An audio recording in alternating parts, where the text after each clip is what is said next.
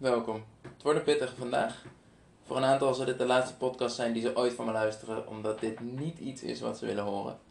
Als je nieuw bent, welkom. Ik kan soms wat confronterend zijn, maar ik heb de allerbeste bedoelingen. Hopelijk is het voor jou een aflevering die je aan het denken zet, die je huidige normaal uitdaagt en vervolgens leidt tot actie en verandering. Welkom bij de Gezond en Fitcast, de podcast voor vrouwen met overgewicht, vol tips die jou helpen van overgewicht naar gezond en fit. Dik en ongezond zijn is normaal. Geen subtiele titel. Ik heb het ook nooit over dik, maar altijd over overgewicht.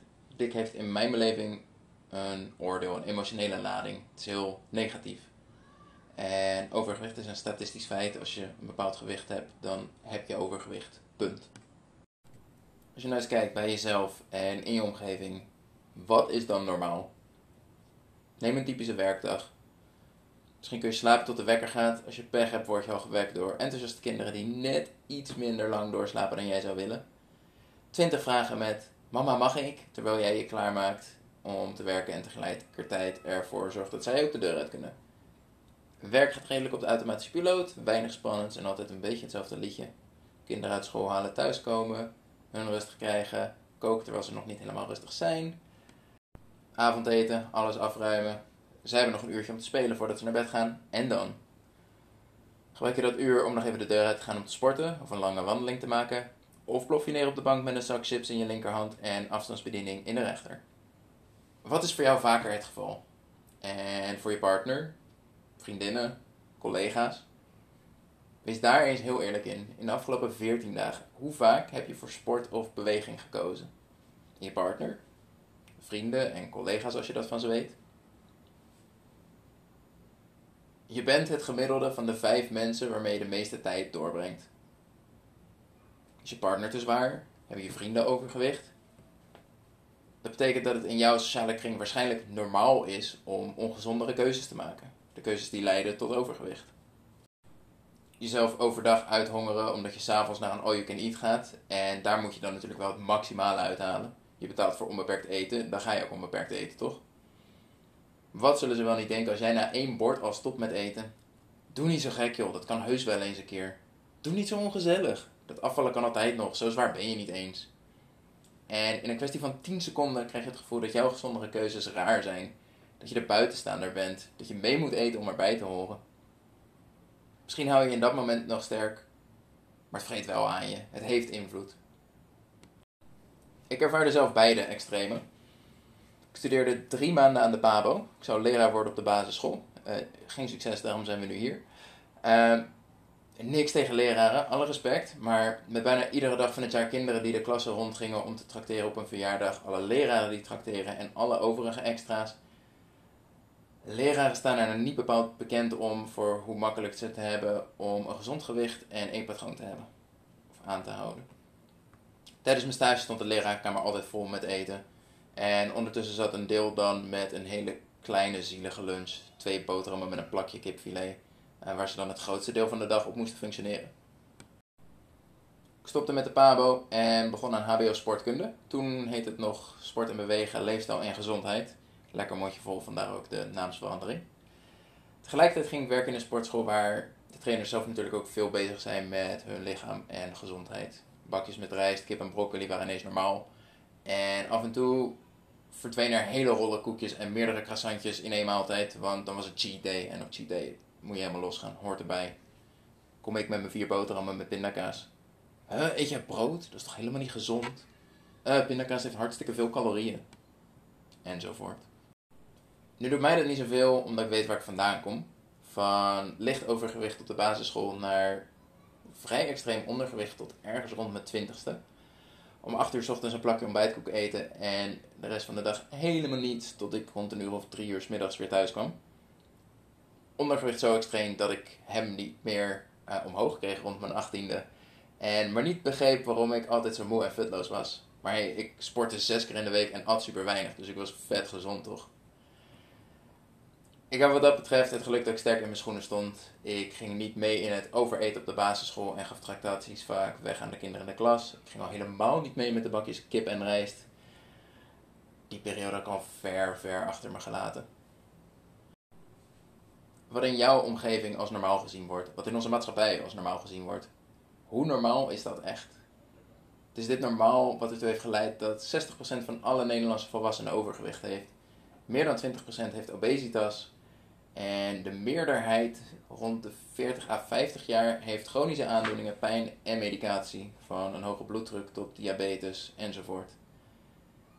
Het probleem hierin is alleen dat we als mensen geprogrammeerd zijn om normaal te doen. Het was vroeger ontzettend belangrijk om erbij te horen, want alleen kon je niet overleven. Het is alleen een systeem van duizenden, duizenden jaren geleden, wat nu dus niet zo heel lekker meer werkt. Wanneer je afwijkt van normaal, word je geconfronteerd met enorme weerstand. Vanuit jezelf, een gevoel van ongemak en onzekerheid, maar ook vanuit je omgeving. Is er iets mis met je, dat je ineens iets anders doet? Ze maken zich zorgen. Is er iets mis met hen en hun gedrag, dat je iets anders doet? Je maakt ze ongemakkelijk en onzeker. Je confronteert ze met hun eigen gedrag en niemand houdt van confrontatie. Maar het is juist die weerstand en dat ongemak waar je de belangrijkste progressie maakt. Je doet al jarenlang normaal. Sonja Bakker is populair, dan koop jij de boeken van Sonja Bakker om af te vallen. Koolhydraatarm is de trend, dan doe jij mee met koolhydraatarm.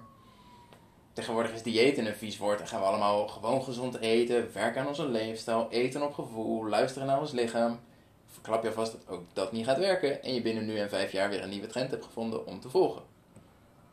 Eentje die dan weer veilig voelt, want iedereen doet het.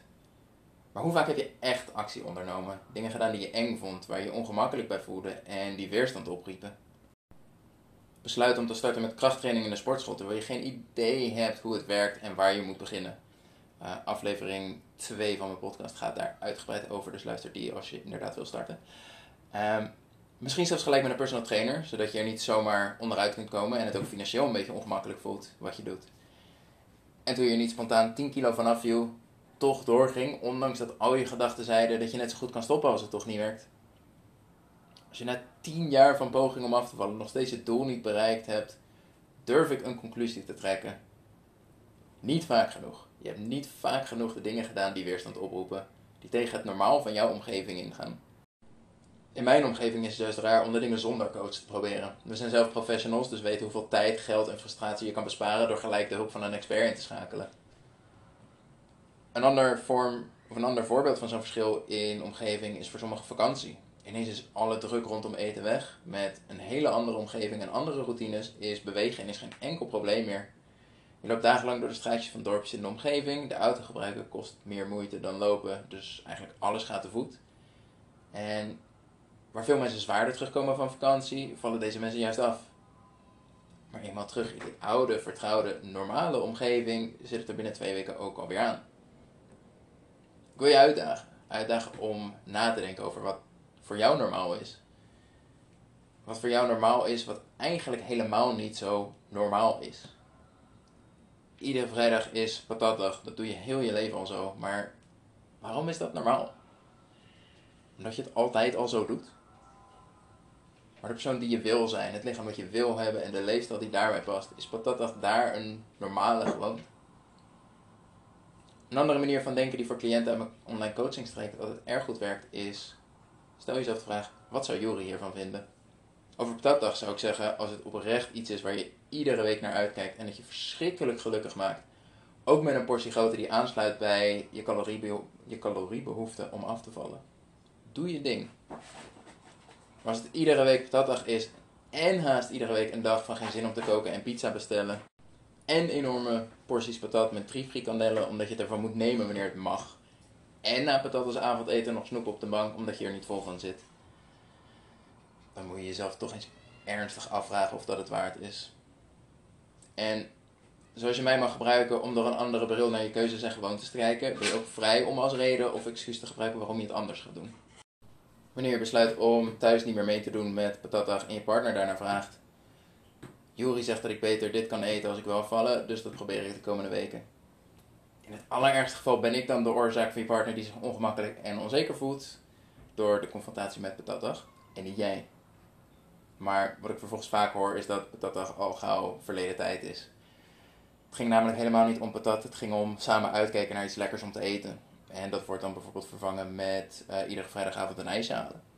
Nog steeds samen uitkijken naar iets lekkers, een heel stuk minder in calorieën en vaak met wat beweging terwijl je het haalt.